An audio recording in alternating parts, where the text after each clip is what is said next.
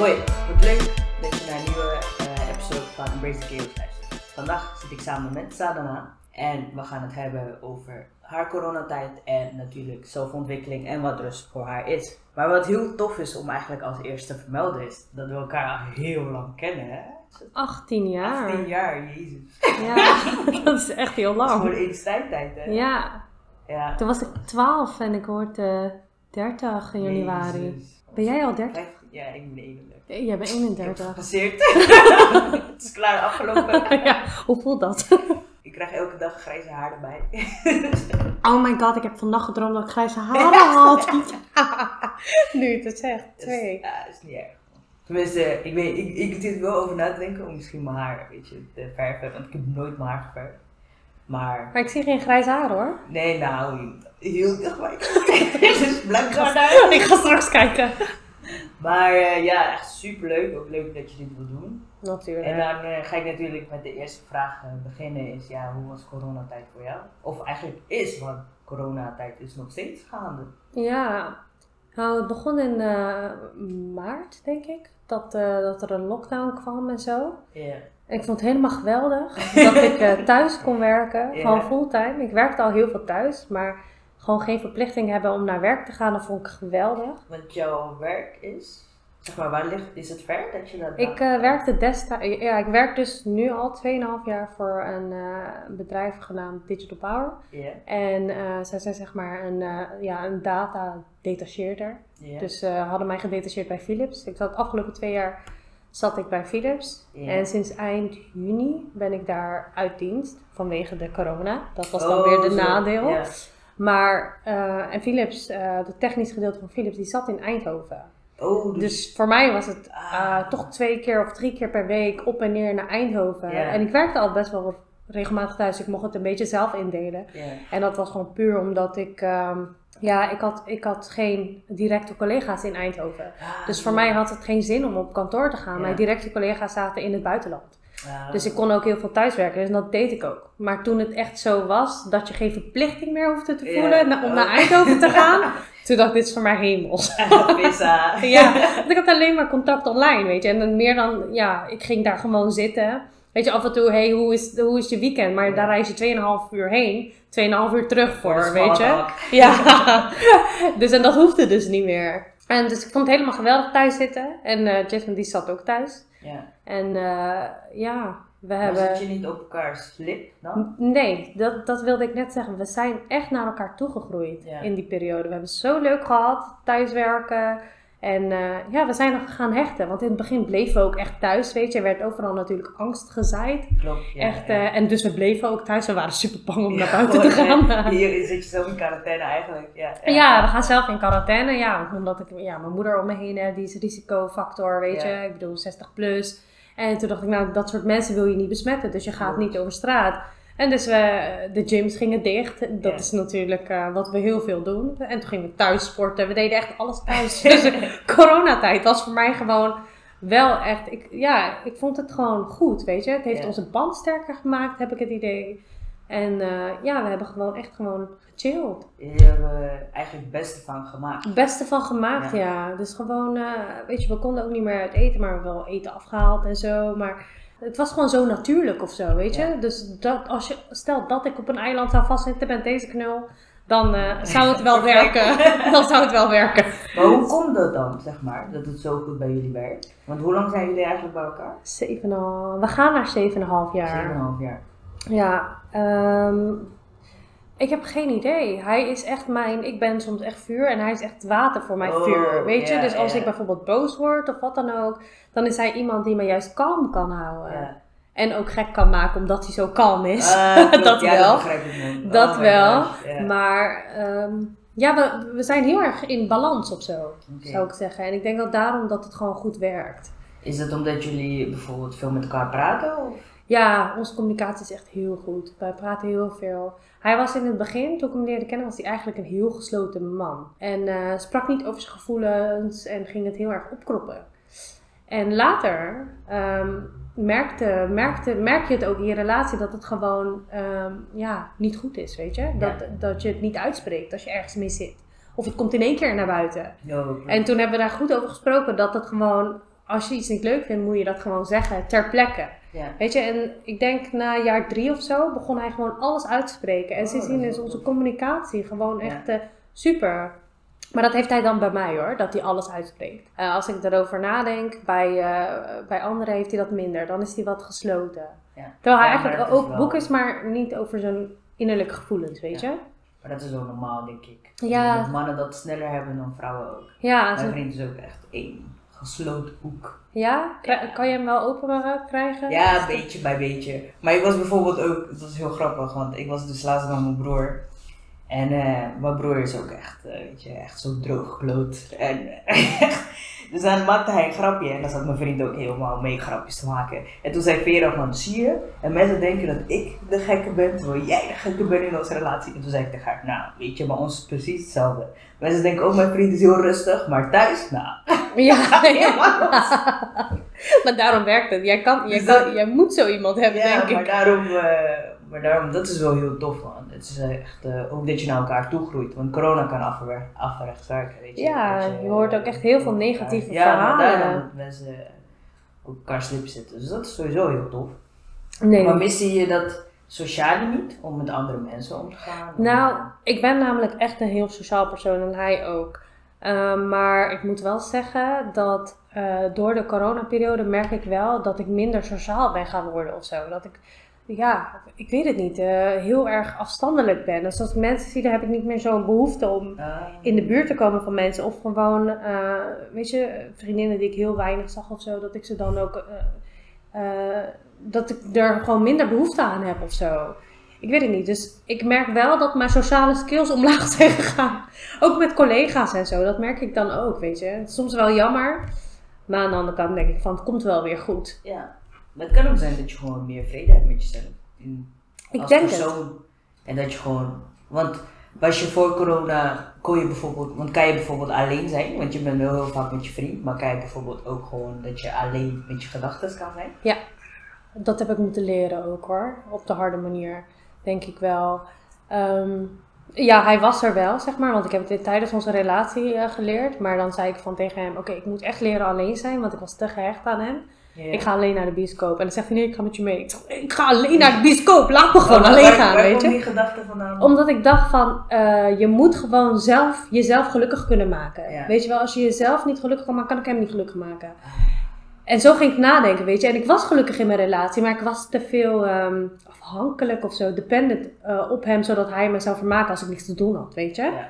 En dat was zeker in het begin zo, maar daarna, ik weet niet, er kwam gewoon een fase in mijn leven dat ik gewoon ging nadenken, boeken ging lezen, weet je wel. Dat ik denk van, oké, okay, dit moet ik gewoon leren. Ben ik gelukkig op mezelf, met mezelf. En uh, toen, ik denk drie jaar geleden of zo, ben ik daar echt wat mee gaan doen. En toen realiseerde ik me dus dat ik echt gelukkig was in me, Ja, met mezelf. Alleen, ja. Ik kon alleen naar de bioscoop en ik kwam thuis en ik kon hem echt vertellen, weet je wel. Dit is uh, hoe ik me voelde. Ik voelde me zo goed. Ik had gewoon mijn bak nachos voor mezelf, weet je wel. ja. Niemand die het bepakt.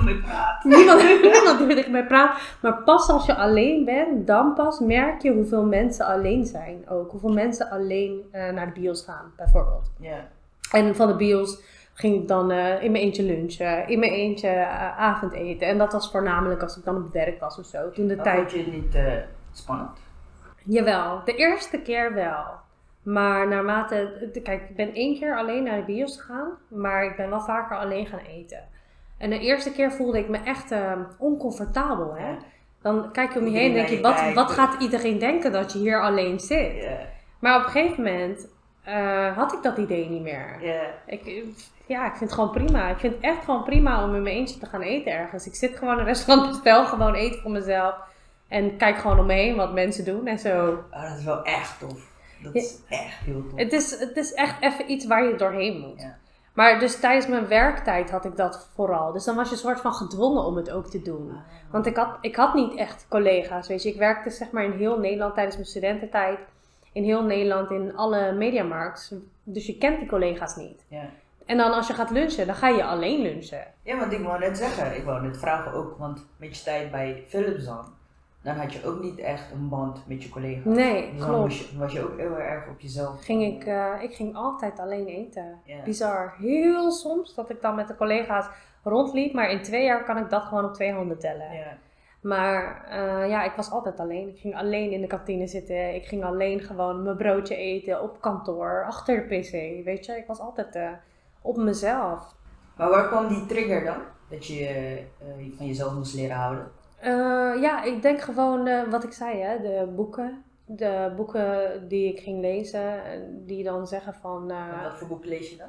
Ja, ja, ik heb echt veel boeken gelezen. Ik heb bijvoorbeeld eh, toen de tijd dat ik The Secret gelezen. Ja. En de- daar komt het dan naar voren, weet je wel, of attraction. En eh, weet je, je moet gelukkig zijn met jezelf en je moet ruimte maken voor dingen die je wilt in je leven. Dus zulke boeken eh, nu, ik heb... ehm, Maar je dacht wel bij jezelf van, oké, er, er is nu een tijd in mijn leven en ik wil dingen anders aanpakken. ja, Dus dan ga ik ook andere soort boeken lezen en dan... ja, ja, ik merk Want wat gewoon... las je bijvoorbeeld daarvoor? Als Eh, Harry Potter of zo? Ja, sowieso Harry Potter, hè. Harry Potter sowieso. Jongens, deze, deze meid is echt gewoon een- Heb je mijn Harry Potter spullen gezien daar op de bank? Nee, ik bedoel niet, ik ga zo even kijken. Deze meid is echt een fan, jongen. Ik ben echt fan. Ja. Maar, dus zeg maar, wat, wat voor boek las je daarvoor? En dat je dacht van, ik moet nu echt iets anders. ja, ik las niet eens veel boeken. Ah. Ik, eh, enige wat ik las dus, eh, was Harry Potter. Gewoon puur omdat ik de films leuk vond. Ik ben begonnen met de films en toen met de boeken. Eh, maar ik, ja, weet je, ik ben heel erg bezig met hoe kan ik mezelf ontwikkelen in de- Ja. deze leven. En ik weet dat de grootste mensen die zo eh, succesvol zijn in het leven, die lezen heel veel. Dus ik Ja. dacht, ik moet gaan lezen. Oh, dat is wel tof, ja. ja. En eh, toen ben ik begonnen met lezen en dan komt het echt naar voren. Zelfs als je eerste boek oppakt over mindfulness, daar komt het al Ja, voren. Word gewoon happy met jezelf. Dus dat heb ik toen eh, geprobeerd te doen.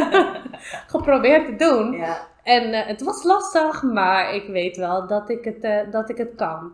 En nu denk ik van, ik weet dat ik het kan.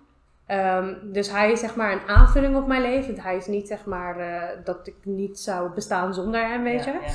Dus hij is gewoon een goede aanvulling op mijn leven. Maar eh, dat ik nu denk van, ja, ik vind het sowieso gezelliger met hem erbij, weet je. Dus dan doen we wel al die dingen samen, maar ik ben happy met mezelf. Ja. Als hij bijvoorbeeld wat gaat doen met vrienden, vind ik het heerlijk om thuis te zitten in mijn eentje.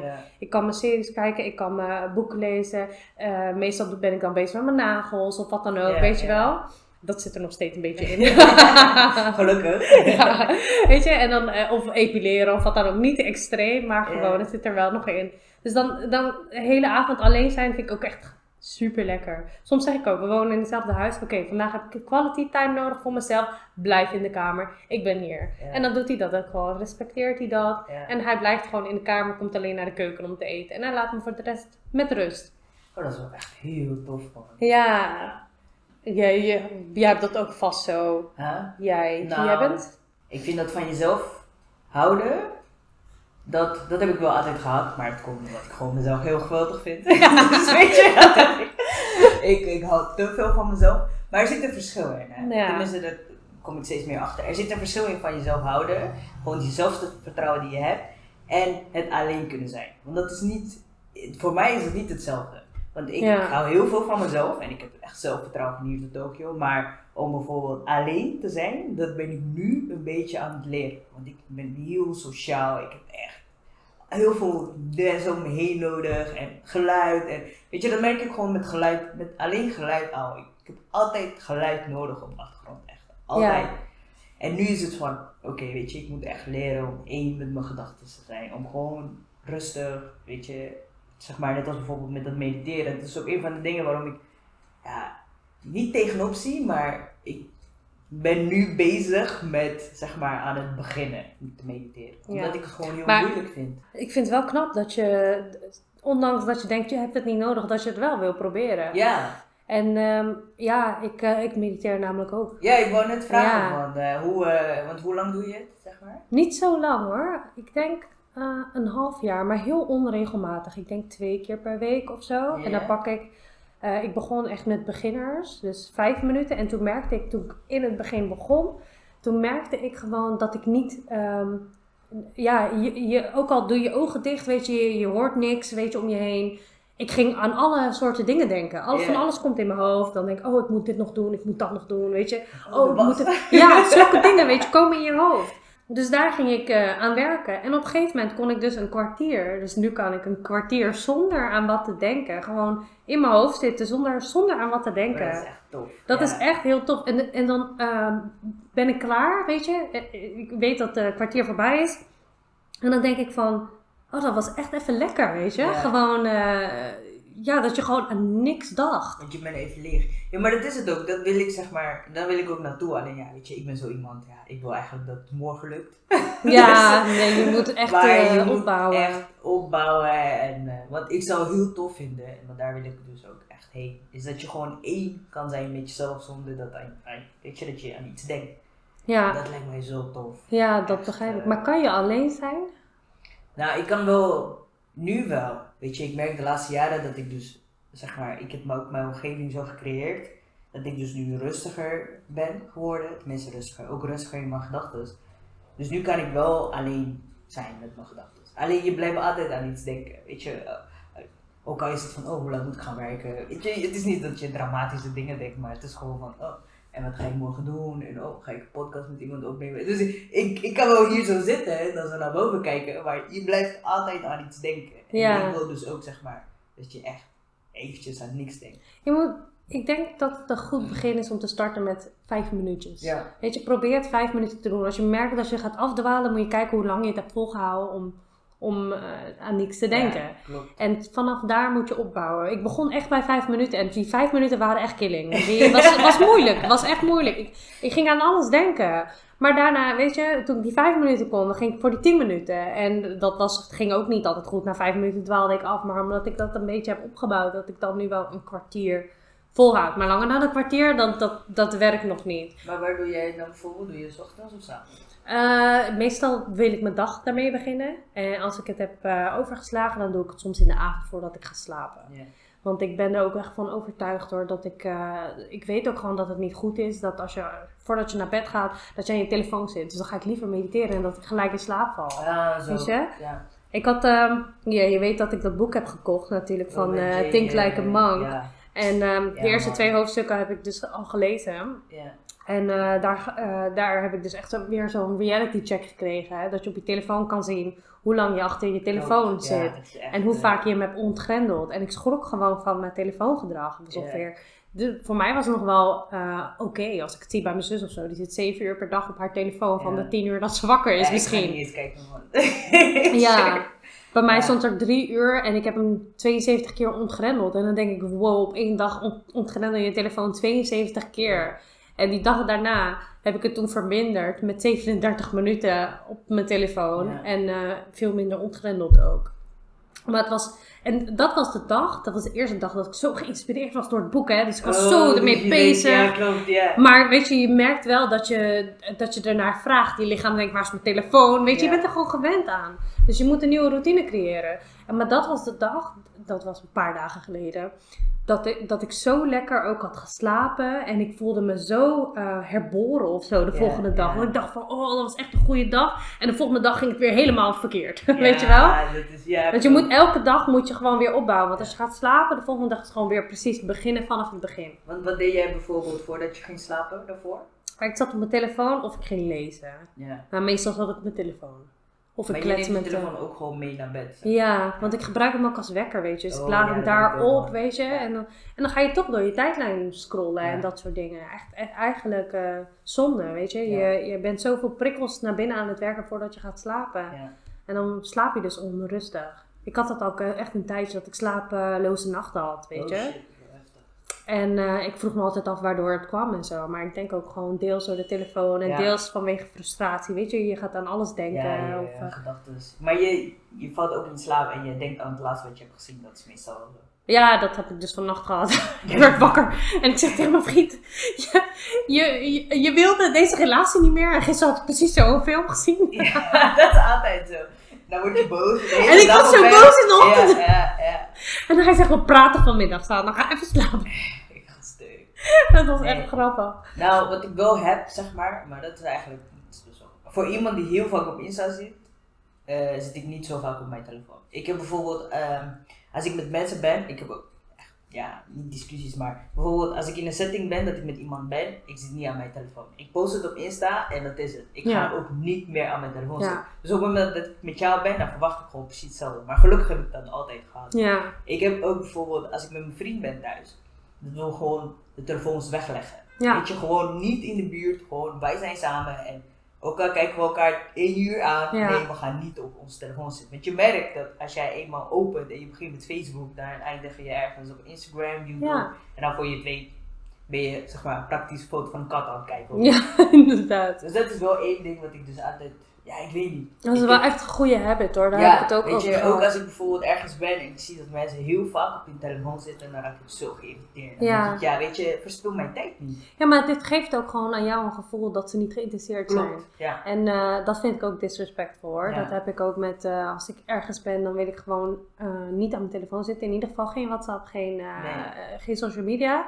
Kijk, weet je, als je een foto wil nemen van je eten en zo, dat doe ik wel. Maar dan leg ik het ook gewoon Ja, weg. maar dat doe ik ook, weet je. Iedereen begint, oké, Iedereen doet dat. Precies. oké, klaar, is weg, weet je. Nu gaan we echt genieten. Precies, Ja. dat vind ik ook, want dan ben je in het moment. Maar ehm, ja, weet je, anders kom je gewoon zo over alsof je niet geïnteresseerd Klopt, bent en dat ja. wil je niet.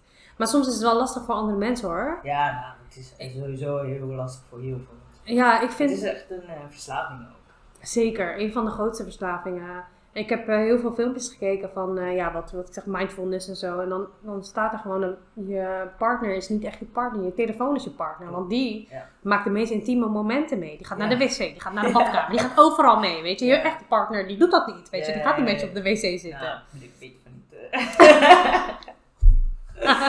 maar nee, ik heb bijvoorbeeld ook met, wat ik dus wel doe, is ik heb, ik heb gelukkig nooit last gehad van slapeloze nachten of wat dan ook. Weet je, Ja. ik kan wel echt, maar dat komt ook, ja, dat komt meer ook. Omdat je als persoon, kijk, ik ben als persoon, ik ben zo iemand van, ik probeer gewoon, ja, ik ben druk, maar ik probeer, weet je, alles goed te doen. Ja, niet alles goed te doen. Je kan ook niet alles goed doen in het leven, maar dat jij echt met een eh, clean slate gewoon gaat slapen. Dat jij in je dag alles hebt gedaan om iemand te helpen wat dan ook, zeg maar. Dus daarom kan ik altijd, weet je, met een gerust hart eigenlijk gaan slapen. ja, Maar ook, wat ik dus wel ook de laatste tijd doe is, als ik bijvoorbeeld eh, klaar ben met werken, en ik ben meestal, ik heb alleen maar late diensten, dus dan doe ik wel bijvoorbeeld mijn internet doe ik dan uit. ja, En dan ga ik gewoon rustig muziek luisteren, weet je. Ik hoef geen, als je wilt en het is nood, dan bel je mij. ja. Weet je? Ja, dan heb ik zoiets van, dus dan doe ik bijvoorbeeld, en dan zit twee uur tussen, ja, ongeveer anderhalf uur tussen dat ik thuis kom en dat ik ga slapen. Dus dan, ik krijg sowieso geen meldingen meer van niks. En dan zet ik bijvoorbeeld muziek aan, maar dan ga je gewoon rustig muziek luisteren, weet je. En dan bereid je jezelf voor op het slapen gaan. En dat is ook iets wat ik echt heb moeten leren, dat je jezelf Ja. moet voorbereiden op dat je gaat Kan slapen. je, me, kan je me helpen? en ik mediteer niet, dat moet je voorstellen. Ja, ik ben gewoon te ik- Maar dat ben ik altijd geweest. Weet je, ik heb altijd moeite gehad met in slaap vallen, vooral. Omdat ik aan te veel denk. En dan op een gegeven moment lig ik te rollen. En dan ga ik piekeren om het feit dat ik niet kan slapen. En dan wordt het erger en erger. En dan lig ik wakker tot drie uur. Weet ik veel hoe, hoe laat ik dan in slaap val. En dat is echt soms vervelend. Maar wat ik zeg, hè, als, ik, eh, als ik een boek pak of zo, dan, dan merk ik wel dat het veel makkelijker gaat. Ja, Of ik luister een podcast. ja. En eh, dan, dan denk ik soms is podcast zo saai dat ik gewoon automatisch in slaap val, weet je. wel goed toch? nou, hopelijk niet voor mijn podcast. Ja. Maar oké. Ik hoop het ook niet voor je. Ik heb, nog niet, ik heb het nog niet op de proef gezet. Eh, maar, eh, nee, maar dat is sowieso, weet je, het is gewoon, mensen moeten een beetje leren ook kijken wat het beste voor hun is om Ja, rust in zichzelf te vinden. ik denk het. Ja, dat is gewoon heel het is, ja, het is heel lastig inderdaad. Want de ene keer werkt het en de andere keer werkt het Klopt, niet, weet ja. je. Dus je moet gewoon echt... de laatste tijd gaat het wel weer goed. Ja, maar ik denk gewoon... ja. eh, omdat ik dus ook ben gestopt bij eh, mijn werkgever, bij Philips. En ik werk nog wel voor Digital Power. Alleen, ehm, dat gaf me een hoop stress, weet je. Oh, dat ik denk van, oké, ik moet op tijd wakker worden. Dus dan ga je slapen met het feit van, oh, ik ga maar verslapen. En dan word ik midden in de nacht word ik wakker. Oh, het is pas vier uur in de nacht, weet je. Dat soort dingen had ik heel vaak. En nu heb ik dat minder. En zeker nu met coronatijd, dat je dan thuis werkt. Dat het ook echt niet uitmaakt wanneer je je laptop open doet en zo. Weet je, het is nu nog tegen en ik ben aan het werk. Maar ehm, ja, dan heb je gewoon minder die druk, weet je Ja. wel. Dat je dan gewoon rustig denkt van oké, ik ga slapen, ik zie wel, weet je, hoe laat ik wakker word. En pak ik mijn pak ik mijn laptop. Tuurlijk word ik een normale tijd wakker. Hè? Ik ga niet tot één uur slapen ik wou, ik wou net vragen van, zit er wel een bepaalde ritme in je leven? Ja, ja, ja, zeker wel. Ik probeer wel gewoon eh, voor eh, half negen eh, bed uit te zijn. Lu- lukt niet altijd, soms kwart voor negen, weet je wel. Maar in het weekend slaap ik dan wel uit. Maar ik probeer wel gewoon een normale tijd eruit te gaan. Want anders kan ik in de avond ook niet slapen. ja. En dat is dus de, wat we proberen. Dus bijvoorbeeld gisteren zijn wij, kijken, acht uur uit bed gegaan of zo. Nee, half negen volgens mij. En dan gingen we sporten. Twee uurtjes in de ochtend gingen we sporten tot eh, elf uur.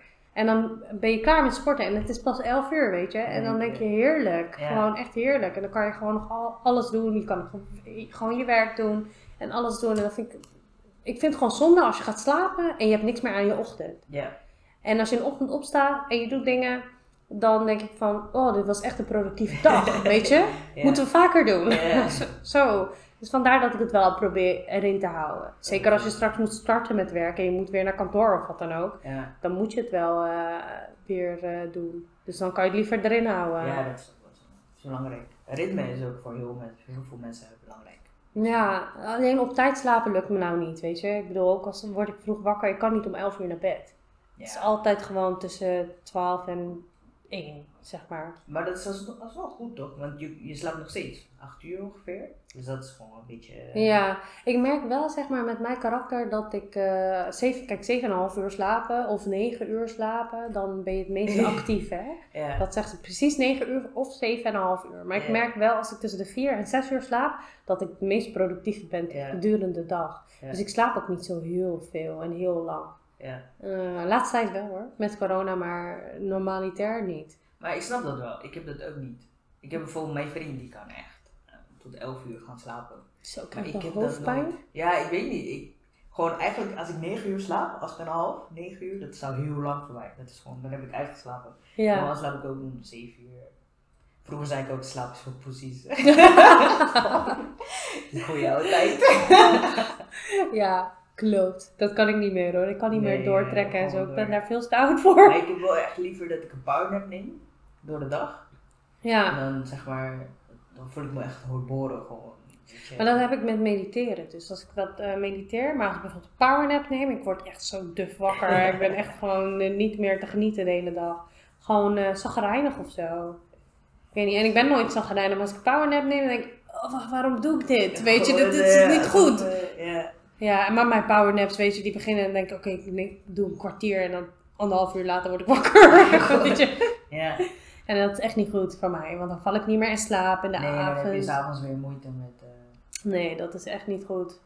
Maar tof man, echt tof om te horen ook. Ook dat jullie naar elkaar zijn toegegroeid en eh, Ja. dat het allemaal werkt. Ja, tuurlijk. Het is toch eh super leuk. Ja, zeker Ook weten. de persoon die je bent geworden, weet je. Ik heb Ja, je ook echt zien veranderen.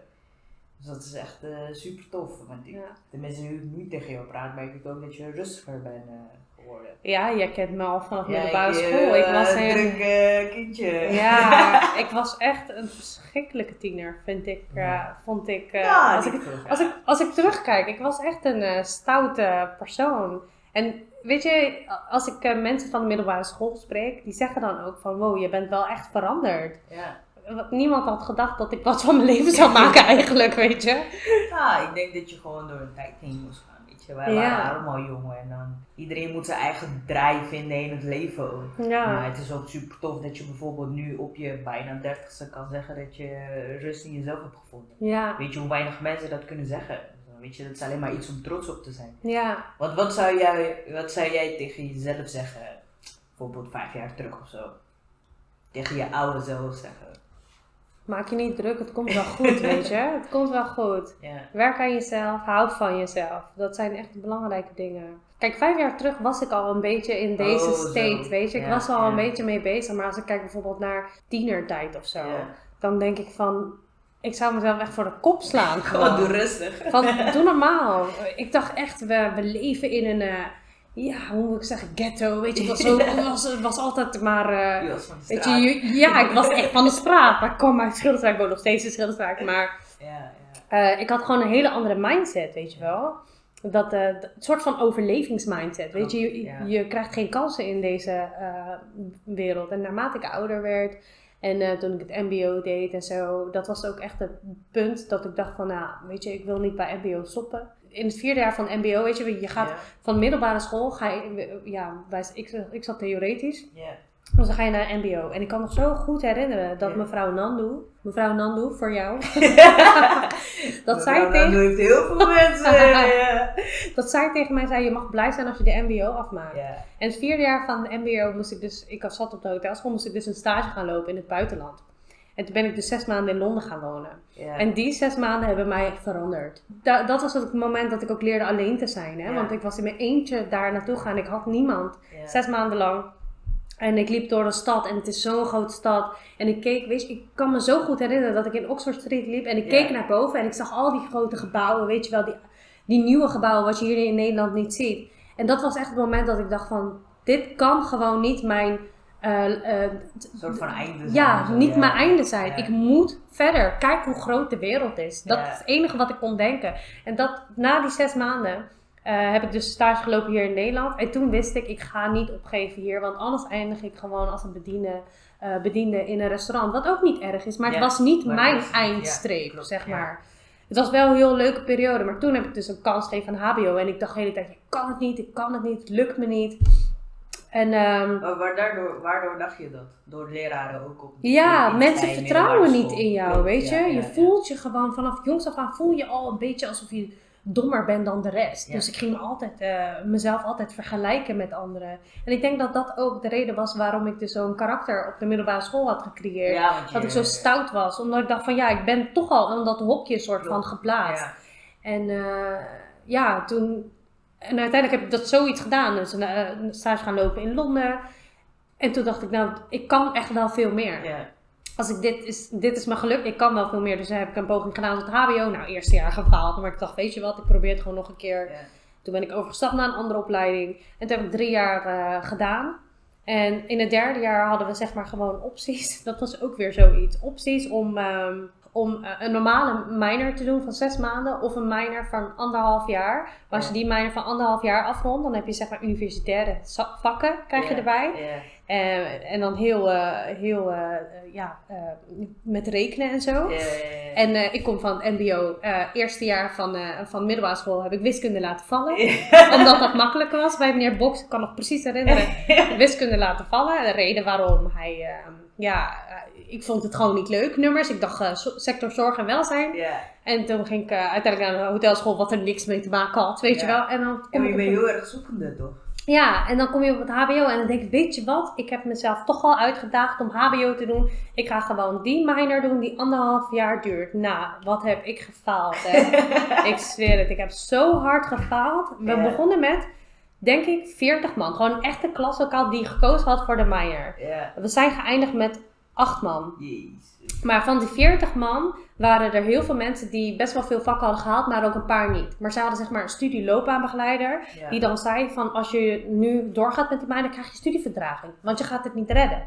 En toen zijn ze allemaal afgehaakt van die minor. Ah. En ik had niks gehaald. Ik vertel je niks. Gewoon letterlijk niks. Ja. De eerste jaar heb ik niks gehaald. En mijn studieloopbaanbegeleider zag dat ik het echt wilde, weet je. Ja. Maar dat het me gewoon niet lukte. Gewoon puur omdat ik geen wiskunde had gehad. Puur omdat ik geen... ehm, Ja, je kent de basis ook niet. Ja. Dus weet je, en dan word je gelijk in het diepe gegooid. Je komt op HBO A plus B. Ik denk, hoe, hoe, kan je nou met, eh, met, eh, met, eh, met de eh, letters gaan rekenen? Weet je, dat, dat is het eerste wat ik dacht, want Ja. ik heb nooit wiskunde gehad. En toen kreeg ik wiskunde, universitair wiskunde. En dat was super complex. Maar wat ik dus heb gedaan, ik had wel een strakke schema gemaakt en aan mijn studieloopbaanbegeleider gezegd van, kijk, dit is hoe ik het wil doen. En hij zei tegen mij, zet door. En elke studieloopbaanbegeleider zei tegen iedereen, stop. Weet je, terwijl ze veel meer dan ik had gehaald. Ik, ik moet zeggen dat ik ook gewoon soort van een beetje gepest ben eh, in, op het hbo.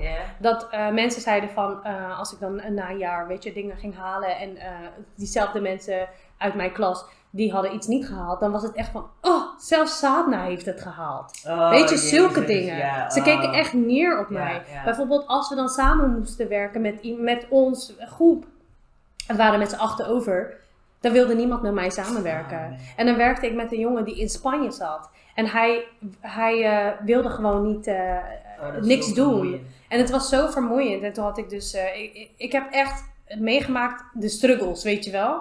Dat, eh, nou ja, in ieder geval die, die hele jaar heb ik dus niks gehaald. Uiteindelijk doorgezet, gewoon puur omdat ik een planning had. Ik heb echt bijlessen genomen. Ja. Ik heb gewoon ehm, vrije tijd eh, besteed aan eh, een tutor, weet je wel. Ja. Die me basiswiskunde uitlegt en dan uiteindelijk echt de complexe wiskunde. En uiteindelijk gewoon gedaan en afgerond met de 6. Kelly, weet je hoe blij ik was met die 6 hè? Ja, gek. Ik dacht, 0,5 punt is al verspilde moeite, man. 5,5. Daar ging je voor. Daar ging ik voor. Zeker van iemand die geen, geen kennis had. Maar wat heeft jou, eh, door wat ben je gemotiveerd dan geweest dan? Omdat iedereen zei dat ik het niet kon. Ja. Weet je? Iedereen zei dat ik het niet kon. En ik zei van, ik ga het gewoon doen. En toen de tijd had ik Justin al, weet je. En hij zei ook tegen mij, je kan het echt wel. Je bent zo'n slimme vrouw. Hij heeft mij echt op, eh, ja, opgelift, zeg maar. Ja. Van, je moet gewoon doorzetten. Je kan het wel, je kan het wel. En mijn studieloopbaanbegeleider. En dus die jaar had ik eh, gedaan en ik had niks gehaald in die jaar. En dat betekent dat ik overging naar het vierde jaar. Dus in het vierde jaar moest ik nog een half jaar van die minor Ja, doen. Dus dan had ik mijn vierdejaarsvakken met die half jaar minor ook extra. Dus het was gewoon reguliere vakken. In één week had ik twaalf examens. Zo Ja. ging het bij mij. En dan ging je kiezen, weet je, wat ga ik halen? Zorg dat je die herkansingen haalt. Ga focussen. En dan in die half jaar heb ik uiteindelijk alles gewoon succesvol op tijd afgerond. En ik ben op tijd geslaagd. En, ehm, maar in die, in die half jaar ging ik dus ook vakken volgen van de mensen die in het derde jaar zaten Ja. die dan die minor hadden gekozen.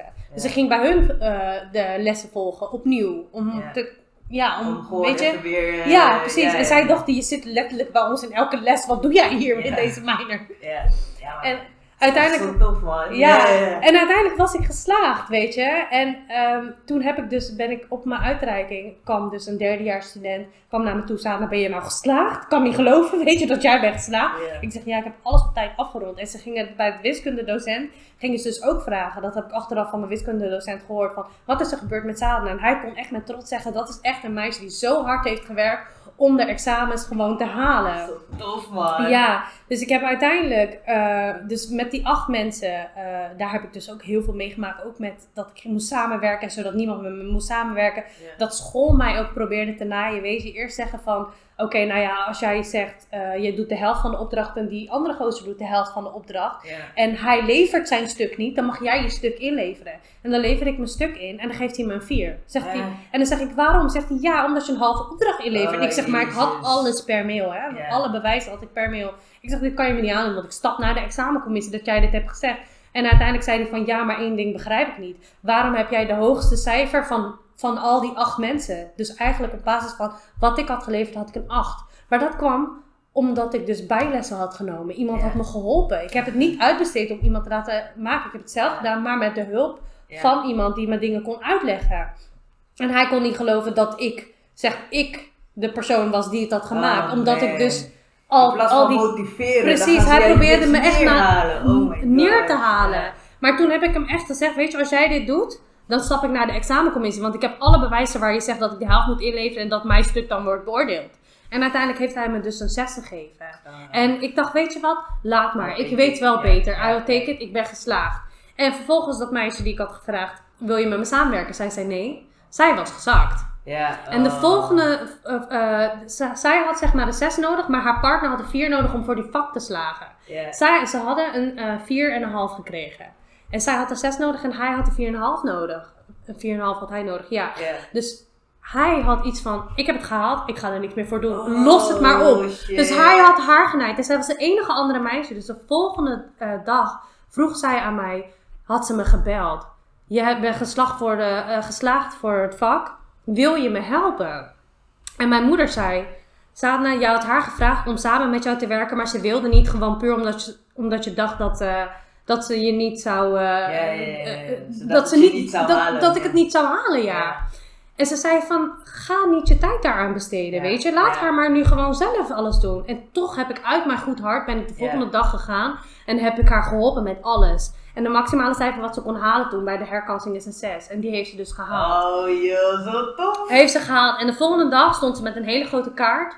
En alle samenvattingen die zij had. Van alle vakken die ik nog niet had gehaald. Stond ze Oh. bij mijn moeder voor de deur met chocola. En dat ik eh, een, een kaart waarin stond dat ik echt heel lief ben. En dat ik, eh, dat ik het niet had hoeven doen. En dat, dat zij nu gelooft dat je gewoon eh, moet geven aan mensen die het ook niet altijd even goed hebben. Weet je, zij, zij heeft daar een hele belangrijke les Oh, uit dat zo gehaald. En ik vond het zo fijn ja. dat ze dat had geleerd. Toen dacht ik, ik ben zo blij dat ik haar heb geholpen, weet je. En nu heeft ze dat vak gehaald. En ze heeft zo'n mooi gebaar achtergelaten. En mijn samenvatting gegeven. Want iedereen wilde ook, niemand wilde me samenvattingen geven. Ja. Omdat ze dacht van, ja, dit is mijn werk, weet je, mijn dingen. eh, zoek het Ja. maar uit. Het was echt ieder voor zich. Maar uiteindelijk toen ik was geslaagd en ik stond het daar te vieren, vroeg ik aan de docent, mijn studieloopbaanbegeleider, waarom heb jij nooit tegen mij gezegd dat ik moest stoppen met de minor? Hij zei, "D- dit is me altijd bijgebleven. Ik, moest gewoon, ik vond het, zo, het heeft me zo geraakt dat hij zei van, omdat jij bent hoe ik toen der tijd was. Niemand Oh. geloofde in mij. En ik, heb, ik had echt iemand nodig die in me geloofde. En hij was toevallig mijn studieloopbaanbegeleider, was wiskundedocent. Ook al was hij niet de docent van mijn minor. En ook al vond hij zelf de wiskunde van de universiteit moeilijk. Heeft hij de tijd genomen om met mij ook bijlessen te nemen, weet je wel. En toen zei hij gewoon, omdat jij dus aan mezelf deed denken. Zo tof, En toen dacht ik, het is gewoon gebeurd om een reden. Ja. Weet je, dat hij mijn studieloopbaanbegeleider is en die dan niet zegt. Want als hij tegen mij had gezegd stop, zou ik zijn gestopt. Maar ik heb gewoon tot het einde doorgezet. Ik heb het gehaald op tijd. En uiteindelijk binnen een jaar, als eerste van al die acht mensen, heb ik mijn master gehaald. Ja. Oh. Dus als eerste was ik op de Tof, universiteit mijn master ja. Maar dat komt echt door dat, dat ik die paar mensen die in mij geloofden, die mij dan upliften, weet je? Ja, dus dat, dat is zeg maar eigenlijk het verhaal hoe ik mezelf naar de top heb proberen te werken, weet je. Heel veel mensen proberen je omlaag te trappen, weet je wel. eh, eh, wat ik zeg, je je wordt gepest, je zelfverzekerheid gaat omlaag, je voelt je dom. Maar dan heb je net de mensen om je heen, bijvoorbeeld Jason, die mij dan eh, voortdurend heeft gesupport. Weet je, dat kan het wel, ja, het komt wel. Mijn moeder, weet je. En die studieloopbaanbegeleider, dat was die persoon van school. Dat, en dat, dat meisje die dan uiteindelijk toch was gedraaid met haar, eh, ja, met haar gevoelens, zeg maar, Ja. naar mij toe. Dat zijn dan de mensen die toch wel ervoor hebben gezorgd dat ik, dat ik door ging zetten, weet Ja. je. Jezelf opbouwt, weet je. Hoe, je. hoe je klimt. Maar dat is, dat is dus het leven. Als je iets wil, moet je ervoor gaan, weet je. Dat, dat is gewoon wat, waar ik nu zo sterk in geloof. Vroeger kreeg ik echt alles omdat ik zo'n sterke wil had. Weet je, bijvoorbeeld, ik wilde heel graag mijn achter mijn rijbewijs. Weet je wel, het ging allemaal zo snel. Alles in één keer gehaald. Mijn motorrijbewijs, alles ging heel snel, weet je. Alles in één keer gehaald. Omdat ik zo in mezelf geloofde. Maar op een gegeven moment, rond mijn 20-jarige, werd je ook echt de grond ingeboord, weet je wel. Ja. En eh, ja, toen ik jong was, eh, had ik wel echt een sterkste wilkracht. Maar ik, ik wilde er niet zoveel mee. Behalve als ik bijvoorbeeld rijbewijs of iets spannends ermee kon doen. Ja, ja, ja, En nu denk ik, nu heb ik deze kracht om mezelf op te bouwen in deze wereld. Weet je, ik wil echt ver komen. Ik ben nog lang niet klaar, weet je. Ik heb dit gedaan. Ik heb iedereen het tegendeel bewezen. Ik was ook, eh, ja, een paar jaar geleden, volgens mij twee jaar geleden, was er ook een reunie op Edestein. En toen eh, ben ik naar mevrouw Nandu gegaan. En toen heb ik tegen haar gezegd dat ik, toen de tijd op mijn HBO, toen zei ik tegen haar, ik heb mijn HBO gehaald. Kunt u dat geloven? Ze zei- Ja, ze zei, "Eh, oh, heb ik dat gezegd? Weet je zo. Maar ik zou dat nooit begrijpen. Hè. Ik zou nooit begrijpen waarom leraren je zo neerhalen. Ik had ook precies hetzelfde op MBO. Ja, je gaat niet halen. Wat doe je hier nog? Waarom je Ja. Dan denk ik, waarom praat je zo tegen iemand die juist het beste van zichzelf wil maken? Ja, het is ook echt zo dat mensen denken dat jij iets niet kan als ze het zelf in hun hoofd ook niet kunnen, weet je. Ja. Dus dan zeggen ze van, je kan het niet. Maar je hebt het gewoon afgemaakt. Succesvol, weet je. Ja, En gewoon puur omdat je jezelf hebt eh, geloofd. In jezelf hebt geloofd. ja. Dat is echt, eh, oh man, zo tof. Ik zweer, ik zit hier echt met een glimlach naar je te luisteren. Ik vind het zo lang. ik, vind het, ik vind het altijd zo... Het is zo'n lang verhaal, weet je. Maar ik weet dat het, dat het zo struggelen was, weet je. Het was zo struggelen. Het was echt moeilijk. Ja, In die, in die, in die tijd ook ben Ja. ik dus ook 25 kilo aangekomen door stress. Hè? Gewoon dat ik van 9 tot 11 in de avond in de biep zat om te leren, weet je. En dan, dan zit je daar met croissantjes, donuts en dat soort dingen. Red Bull, dat soort dingen gingen erin. Maar ja, goed. eh, toen, was je, toen had je hem gehaald.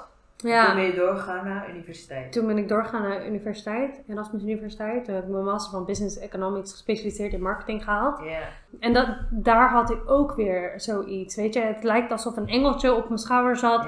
Die zei van, je moet dit gewoon... ehm, Dit is Je jouw moet, pad. dit, is jouw, dit is je juiste pad. Want ik heb je mocht zeg maar eh thesis-begeleiders kiezen, dat zijn scriptiebegeleiders. En ik had gewoon eh, eentje gekozen, niet wetende eh, dat, dat het zo'n persoon zou zijn, maar het was dus een eh, Koreaanse vrouw. En eh, zij was dus net professor. Zij, is, zij deed haar PhD. Dat betekent dat ze moet lesgeven. Ah, Maar het was haar eerste jaar. Ja. En zij, zeg maar, heel meegaand. Dus ik kon wekelijks naar haar toe voor mijn scriptie. Oh, want ze Weet zijn je? nieuw. Dus, Ja, ze is nieuw, ze willen- wil het goed doen, ze wil dat ik het haal. Dus ze supporten Oh, me in alles. Terwijl heel veel docenten zeggen, één keer per maand heb je een spreekmoment. En je mag maar één keer per maand komen. En dan moet je alles aankaarten. Ja. En dan geef ik je verbetering. En de volgende maand moet je maar kijken hoe je Ja, ik doet. hoor dat ook van mijn vrienden. Ja, je wordt heel erg losgelaten. En zij gaf mij echt de begeleiding. Ik ben haar zo dankbaar. En eh, zij heeft me echt, echt geholpen tot een eh, goede scriptie. En uiteindelijk heb ik mijn master gewoon met een 7,6 punt afgerond. Terwijl ik van het HBO kwam. 5,5 Ja, precies. En uiteindelijk de laatste telt, weet je. Dus het was gewoon echt mooi. Ja. En ik had ook echt, zeg maar, tijdens mijn master had ik ook hele andere soort mensen om me heen. Heel anders dan op het HBO. Deze mensen die kwamen uit Korea, uit China, weet je wel. Eh, daar had ik echt een band mee met hun. En Die eh, willen het ook graag. En ja, het zijn allemaal cum laude, afgestudeerd. Ik kom met mijn 7,6, weet ja, je. maar weet je, dat zijn mensen die, het boeit niet waar je vandaan komt. Die willen gewoon dat je Ja, slaagt. En precies. lukt. Ja. Precies, nog steeds vier jaar later ga ik nog steeds met diezelfde mensen om. Ze willen mij zo graag zien groeien. Ze geloven in me, weet je wel. Ja. Ehm, ik was van het weekend ook nog met ze naar het museum gaan. We doen altijd van die dingen waar je dingen kan leren, weet je. Ja. En dan, eh het Chinese meisje die zegt dan altijd tegen mij, je bent zo slim, je bent zo slim. En dan denk ik, je bent echt een van de weinige mensen in mijn leven die altijd zeggen ik ben slim. Terwijl Ja. ik heel lang altijd mensen om me heen had die dachten ja, dat ik dom was, weet je wel. En zo heb ik me heel lang gevoeld. En dan denk ik, nee, jij bent slim. Maar we doen het, jij bent slim. Nee, jij bent slim. Jij bent slim. en dan denk ik, hoe kan je denken dat ik slim ben, weet je? Want zover ben ik dus nog niet. Dat ik, dat ik echt denk van, ik kan het of zo, weet je wel. Ja. Ik weet dat ik, dat ik er naartoe werk, weet je. Dat ik steeds meer in mezelf geloof. Ja, want ik wou net zeggen, je, bent echt, hey, je moet echt fucking trots zijn op jezelf, man. Ja, soms sta ik er helemaal niet bij stil. Maar dan weet je, op momenten zoals dit, als ik het echt vertel, dan denk ik wel van... Ik kan, ik kan niet geloven dat ik een Ja. master heb gehaald. Weet je wel, dat omdat ik het heb doorgezet. Ik, weet je. Maar dat denk ik voor zoveel mensen. Zoveel mensen dat- die het niet... Het eh, komt ook omdat, ja, ja, je bent heel erg neergehaald ook, denk ik ook. ja, Heel, eigenlijk vanaf kleins af aan was het van, ja, weet je, het gaat je niet lukken, Ja. het gaat je niet lukken. Dus als je met die gedachten rondloopt, dan is dat het eerste wat je denkt van. Maar dat is die negatieve gedachte, wat mensen ook heel snel Ja. hebben, toch? Dat is het eerste wat je denkt van, het lukt mij niet. ja, precies. Weet je, en Het is wel heel tof dat je meer richting de... Ja, Zeker weten.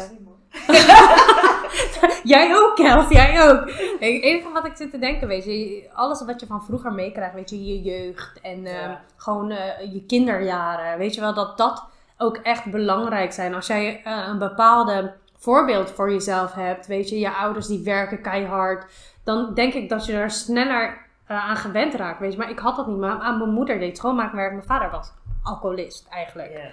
En ik heb dus, ik ben opgegroeid in een hele ehm, fysieke gezin, weet je, waar, waar Ja. echt huiselijk geweld voorkwam. Weet je, wekelijks kwam de politie bij ons over de vloer. En ik als kind zijn eh, ging heel vaak mijn moeder beschermen en zo. Dat zijn dingen ehm, waar ik dan naar terugkijk. Ik heb een oudere broer en een zus. Dat, eh, en zij waren juist niet zo. Zij waren juist heel erg ehm, lacherig als mijn ouders gingen ruzie maken. En ik was echt, ik stond echt als een steen voor mijn Ja. moeder van je raakt haar niet aan, weet je Ja, wel. Ik was echt de, en ik ben de jongste. Mijn zus die is nu eh 32, maar zij slaat haarzelf nog steeds voor de kop waarom zij vroeger zo was. Ja. Ik zeg tegen haar nu ook. Voorheen kon ik haar niet begrijpen, maar nu ik bezig ben met mindfulness, begrijp ik haar. Ze is de oudste. Zij voelt zich alsof ze heeft gefaald als kind Ja, toen de ja. tijd. En het, ze heeft daar nu gewoon last van, weet je wel. heel moeilijk. Ze vindt, het, ze vindt het lastig. Waarom ging zij lachen? Ze was de oudste. Waarom ging zij mijn moeder niet beschermen? Waarom deed ik dat? Ik had dus vanaf jongs af aan kennelijk een hele verantwoordelijkheidsgevoel. Ja, een sterke wil. En ik was moedig of zo.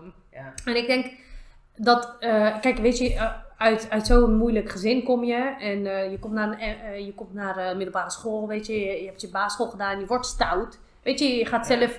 En eh, Einstein denk- was ook niet de meest motiverende school ever. Nee, klopt. maar toch wel. de docenten die ook gewoon... Ja, klopt. ja, Dat is echt van, jullie gaan allemaal niet redden. Ja, ik geloof ook wel, zeg maar, moet ik wel zeggen, weet je. Ik, het is niet, ik weet je, ik ben zelf Hindoestaans en Surinaams. Eh, Jij bent zelf ook gewoon buitenlander. Ik merk gewoon dat we een streepje minder hebben. Ja. En ook op, op, de, op de basisschool, weet je, had ik voor mijn HAGO-toets, had ik een eh, HAVO gescoord. Ja. Maar voor mijn eh CITO-toets, het boeide mij gewoon niet. Weet je, ik, ik had gewoon geen besef op die leeftijd dat dat zo belangrijk was. Ja, En door, mijn CITO-toets had ik eh, VMBO theoretisch gestuur, eh, ge- eh, gescoord. Ja, En toen is mijn moeder dus gegaan voor de resultaten. En zei ze, nou, we sturen haar naar het VMBO theoretisch, want we denken niet dat zij meer kan. ja. En de eh, meeste ouders, nu, deze tijd, die zeggen: hé, hey, eh, je stuurt mijn kind naar HAVO, je stuurt mijn kind naar VWO. Ja, Laat ze het gewoon proberen. Ze gaat, het gaat lukken. We geven de bijles, dit en dit. En die krijgen de kans. Maar mijn moeder die zei van, oké, ja, is goed. nee, bij ons was het van, ja, als een school het zegt, dan zal het vast wel goed zijn. Precies, Ja, weet ja, je? En je wordt dan zo in die, in die hokje, ja. gezet al, alsof je niet meer kan. En dan bij het middelbare school merkte ik dat ook gewoon.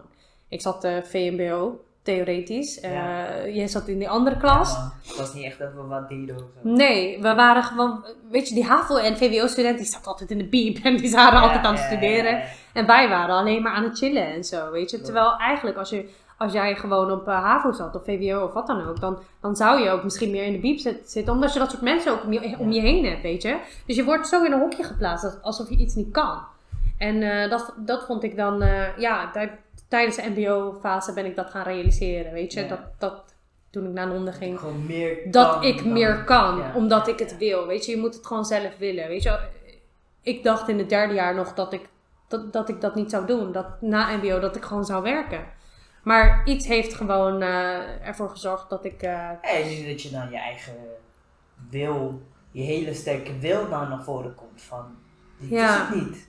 Ik wil meer. ja, Maar die, dat moet je ook beseffen dat je meer wilt. ja, Weet je, die, eh, dat, dat stukje van, dat je naar boven keek in dat klikmoment, ja, dat moet je ook maar krijgen. Weet je? ja, dat is waar.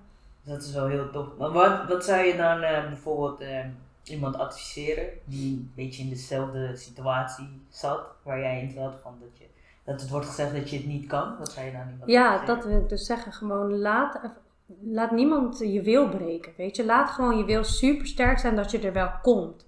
Weet je, geloof in jezelf en heb een paar mensen om je heen, de directe mensen, bijvoorbeeld je moeder, je broer, je zus, die in je geloven. Want als jij alleen maar mensen hebt die heel negatief zijn, dan weet je, je, je trekt aan met eh, waarmee je omgaat. Ja, weet je, als je alleen maar met negatieve mensen Door de mensen om je heen. Precies, zorg ervoor dat je gewoon een paar mensen hebt die in je gelooft en dan kan je het gewoon. Maar je moet, je moet ervoor werken, dat is het. Je moet ervoor werken. En dat is, dat is het lastige, weet je. Kijk, je, je, wil, je kan het wel willen, maar doe, doe er ook wat aan, weet je. Neem die stap. Ga ervoor. Ja, Dat zou ik zeggen. En eh, ja, laat je gewoon niet wijsmaken dat je iets niet kan. Weet je, ik, ik, eh, ik heb uiteindelijk mijn studie gedaan. Ehm, niemand had het verwacht eigenlijk dat ik dat zou doen. Ehm, maar ik ben er echt trots op. Maar nu werk ik 2,5 jaar voor een baas. En nu denk ik, ah, het is goed zo. 2,5 jaar is goed. Ik wil nu iets voor mezelf. ja. Ik wil verder, weet Ja. je. Ik vind, eh, ik vind het leuk bij mijn werkgever, dus ik vind het gewoon goed. Maar ik wil in de toekomst wil ik meer. Weet je, Ja. ik wil niet ehm, hier blijven waar ik zit. Ik wil omhoog. Weet je, het liefst iets voor mezelf. Het liefst een super grote, succesvolle vrouw. Weet je, ik denk heel groot. Ja, Eh, ja, maar je, je, moet, eh, wat zeggen ze dat? Je hebt to speak it into existence. Ja, je moet gewoon precies. zeggen als je dingen wilt. ja, precies. je, en geen lat is te hoog, denk ik. Als je zegt gewoon wat je net zei, als je gewoon voor werkt, dan denk ik dat geen lat eh, te hoog is. En Ja, waar zou je over bijvoorbeeld vijf jaar nou willen staan? Hoe zie jij jezelf over vijf jaar?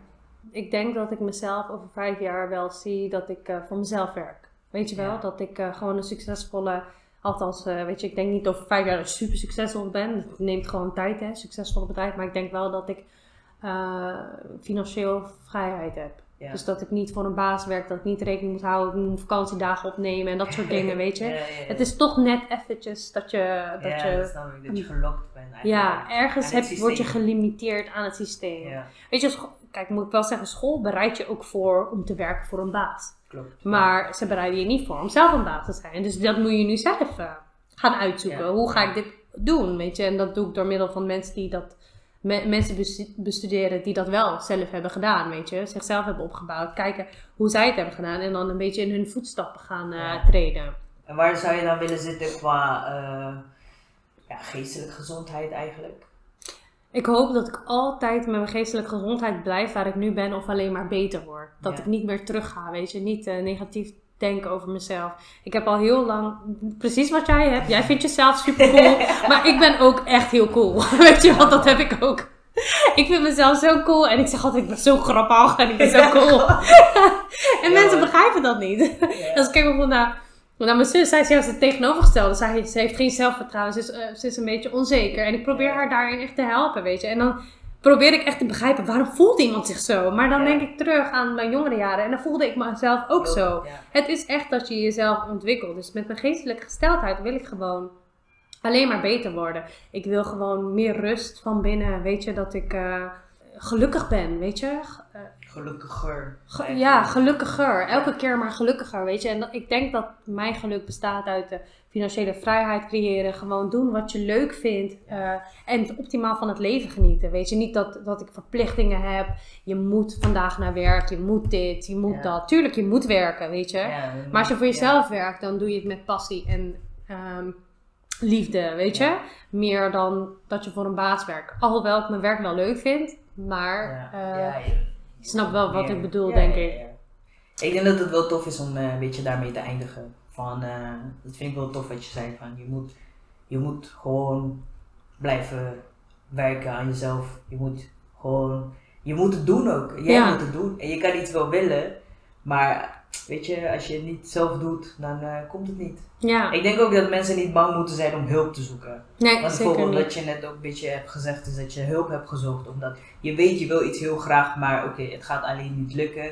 Dus wie kan mij helpen om te bereiken wat ik wil? Ik Precies. denk dat dat ook heel belangrijk is voor eh, mensen die zouden willen luisteren, die in hetzelfde schuitje zouden willen zitten, weet je. Wees niet bang om hulp te vragen. Ja, Het, echt, het is echt eh, dat mensen ook, ze moeten een beetje vergeten dat ze alles zelf moeten doen.